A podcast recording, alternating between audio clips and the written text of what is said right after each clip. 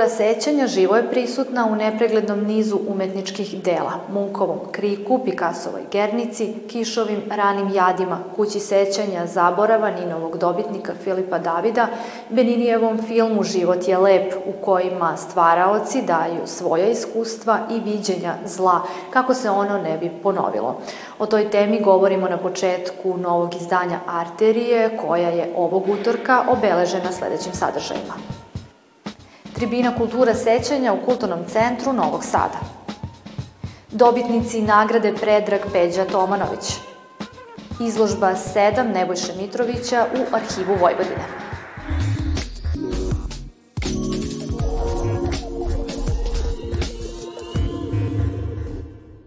Tribina pod nazivom Kultura sećanja u trećoj deceniji 21. veka od ledene tišine do manipulacije sećanja naziv je skupa u Kulturnom centru Novog Sada u organizaciji Terraforminga, čiji je direktor Miško Stanišić Kostarterije zajedno sa Mirnom Herman iz Zagrebačkog centra za kulturu sjećanja. Dobrodošli u Arteriju.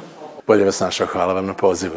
Ovo je četvrta godina kako organizujete tribinu zajedno sa Kulturnim centrom Novog Sada. U kom tonu je protekla najnovija tribina? Već četiri godine za redom Terraforming u saradnji sa Kulturnim centrom Novog Sada i Istorijskim arhivom grada Novog Sada organizuje jednu tribinu, jedan program sa idejom da s jedne strane povežemo sjećanje na Novosadsku raciju i Međunarodni dan sjećanja na holokaust i da toj komemoraciji damo jedan karakter međunarodni, pozivajući goste zaista iz čitavog svijeta, eminentne stručnjake i domaće i strane i otvarajući različite teme koje su relevantne za kulturu sjećanja na različitim nivoima. Ove godine smo odabrali da govorimo o relevantnosti sjećanja u trećoj dekadi 21. vijeka i o nekim od osnovnih problema sa kojima se savremena kultura sjećanja susreće, a to je prije svega manipulacija i iskrivljenje istorije. Da li su sećanja na tragična zbivanja tokom drugog svetskog rata, poput Novosadske racije i holokausta, zaista relevantna ili su dobijala drugačiju konotaciju na početku 21. veka?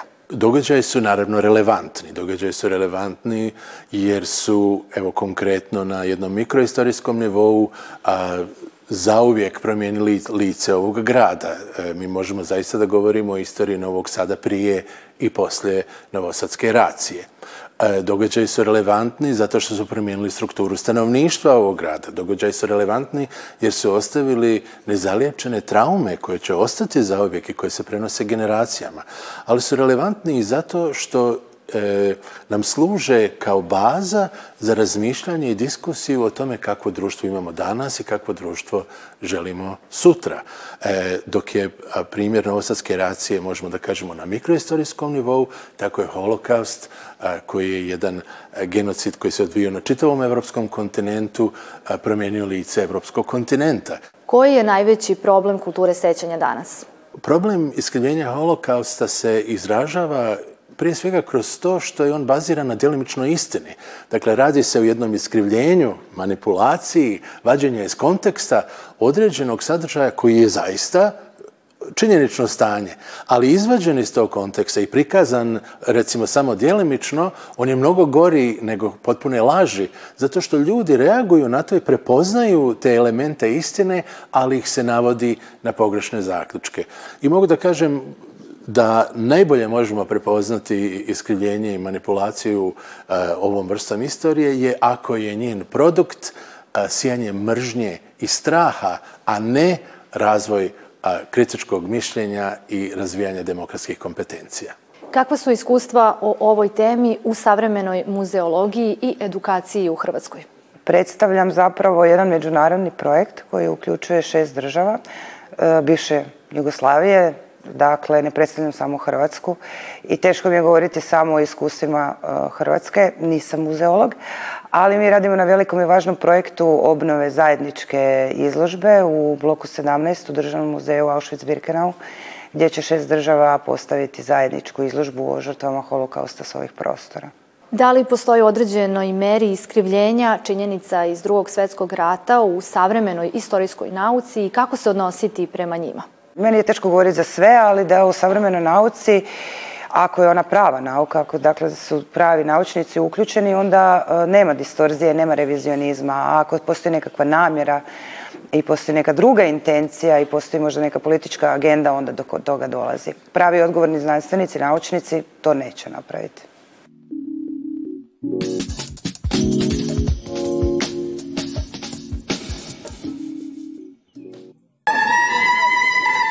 Glavna vez dana u oblasti kulture je da je veliko ime svetske i naše klasične muzike violinista Stefan Milenković dobitnik februarske nagrade grada Novog Sada za 2022. godinu. Najviše gradsko priznanje dodeljeno je Milenkoviću za doprinos u realizaciji projekta Grade Novi Sad Evropska prestonica kulture te svetska umetnička i profesionalna ostvarenja koja neguju i afirmišu klasičnu muziku i nadahnjuju mlade umetnike za spoznaju identiteta i vrhunska ostvarenja radi prepoznatljivosti Univerziteti Novog Sada. Inicijativa da priznanje dobije Stefan Milenković potekla je od Akademije umetnosti Univerziteta u Novom Sadu i Udruženja građana Valmaro Trio – Februarska nagrada društveno je priznanje za najznačajnija dela i dostignuća građana Novog Sada koja su u duhu negovanja međuljudske i slobodarske tradicije grada, jedinstva svih njegovih stanovnika, za aktivnosti i dela koja afirmišu ime i tradiciju, slavu i renome grada Novog Sada, za doprinos u kulturi, umetnosti, književnim delima, izučavanju istorijske građe i naučno-istraživačke delatnosti u celini. Nagrada, čiji je naučani deo 130.000 dinara, biće uručena laureatu datu 1. februara na svečanosti povodom obeležavanja Dana grada. U znak sećanja na glumca Srpskog narodnog pozorišta Predraga Tomanovića danas je po 28. put dodeljena nagrada koja nosi njegovo ime. Ovo posebno priznanje, posle koga slede sva druga, a dobitnici postaju nosioci repertoara, tročlani žiri u sastavu Valentin Vencel, Nataša Gvozdenović i Predrag Štrbac, dodelio je Branislavu Jerkoviću za dve uloge – Ulogu Edipa u predstavi Slepa mrlja Andreja Mažerija, kao i ulogu Magbeta u istoimenoj predstavi koju je režirao Nikita Milivojević.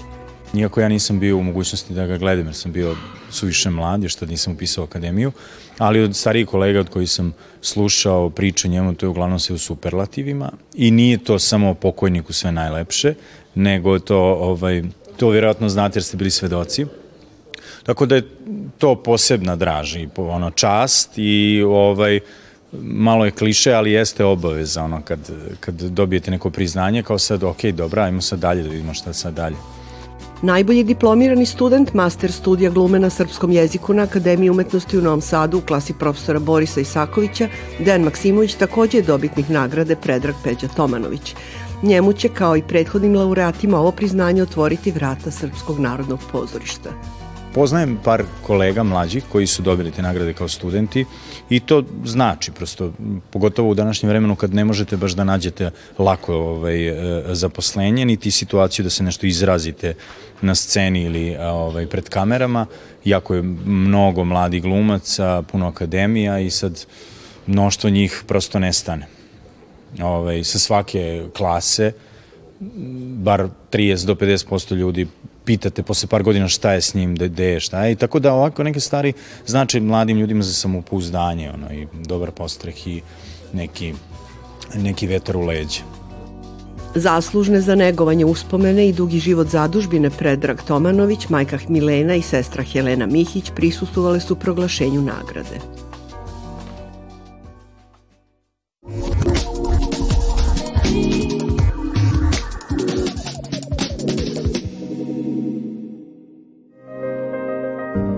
Iako su tek absolventi arhitekture na Fakultetu tehničkih nauka u Novom Sadu, može se reći da su već stručnjaci u toj oblasti.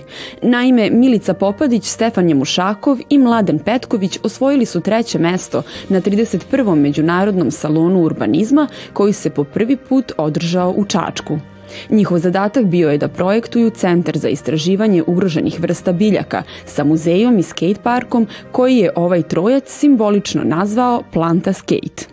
Bili smo srećni jer smo mi očekivali da prijavimo taj rad i da mi samo se pojavimo tamo i da nas neko primeti, tačnije, da stupimo, što kažu, na tržište i time smo sebi pokazali da zadatka koji, za koji nismo bili zainteresovani, da smo mi uspeli da ostvarimo, da imamo neko ostvarenje.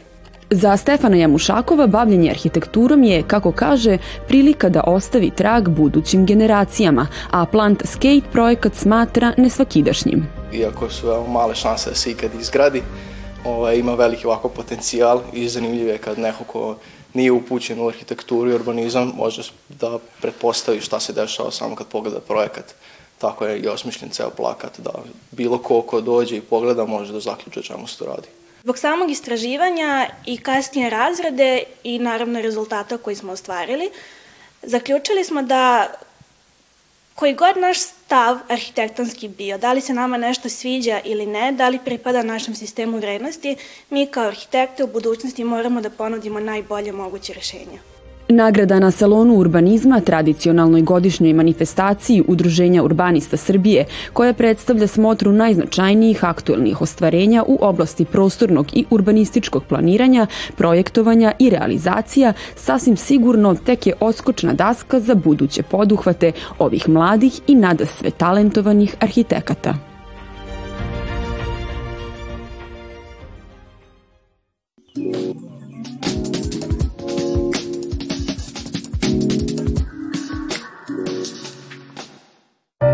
Galerijskom prostoru Arhiva Vojvodine otvorena je osma samostalna izložba fotografija autora Nebojše Mitrovića koja predstavlja kompilaciju prethodnih sedam, što je ujedno i njen naziv.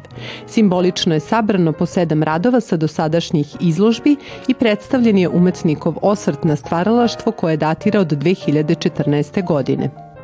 Ljudi i priroda.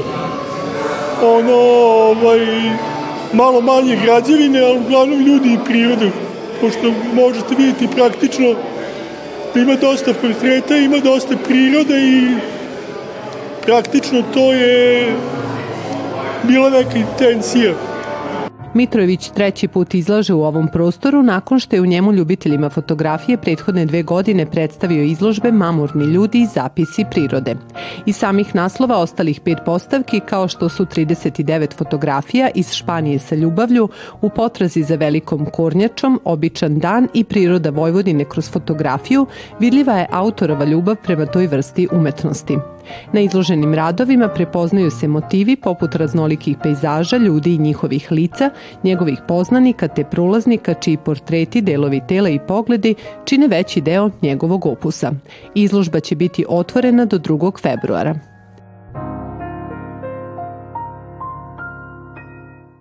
Sutra je dan za početak novog izdanja Kustendorfa, filmskog i muzičkog festivala, koji će i ove godine po starom isprobanom receptu povezati etablirana imena evropske kinematografije sa mladim dolazećim snagama sedme umetnosti. O tome u narednoj arteriji. Prijatno!